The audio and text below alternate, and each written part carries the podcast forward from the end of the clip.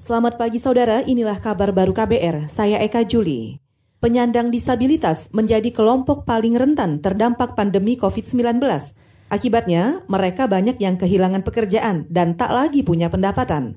Ketua Umum Badan Koordinasi Kegiatan Kesejahteraan Nasional atau BK3S Jawa Timur, Pinky Saptandari menuturkan, bantuan bahan pokok yang menjadi hak penyandang disabilitas juga sering tidak tepat sasaran Hal itu salah satunya akibat masih kacaunya pendataan. Secara data statistik memang kita sudah bisa lihat ya bahwa apa banyak yang kehilangan pekerjaan, uh, kemudian tidak bisa apa uh, menjalankan profesinya sebagai pemijat, pemangkas rambut, uh, bahkan yang tidak bersentuhan ya yang tidak bersentuhan dengan manusia sekalipun misalnya dia bengkel ya lalu hmm. tukang tablon ini kan dalam kondisi demikian hmm. sekarang ini siapa yang mau betulin motornya itu tadi Ketua Umum Badan Koordinasi Kegiatan Kesejahteraan Nasional atau BK3S Jawa Timur, Pinky Saptandari.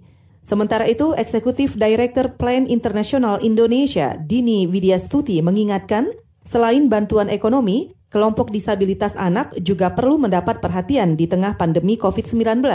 Bantuan sosial untuk mereka sangat penting karena mereka rawan menjadi korban kekerasan di rumah dan di lingkungannya.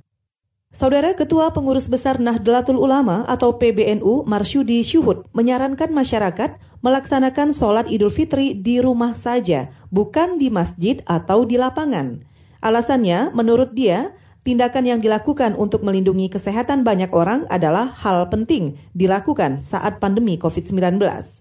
Ia meminta masyarakat melaksanakan sholat sunnah mu'akad secara berjamaah dengan keluarga serumah atau sendiri-sendiri sesuai tata caranya menyikapi Idul Fitri pada masa pakebluk COVID-19 seperti ini, maka sebaiknya kita masih tetap mengutamakan bahwa menjaga jiwa adalah tujuan syariah yang paling utama. Yang lainnya tinggal mengikuti protap-protap ajaran agama yang sudah ada. Kalau utamanya dalam hal ini adalah kita harus masih sholat di rumah bersama keluarga, ya lakukanlah sholat di rumah.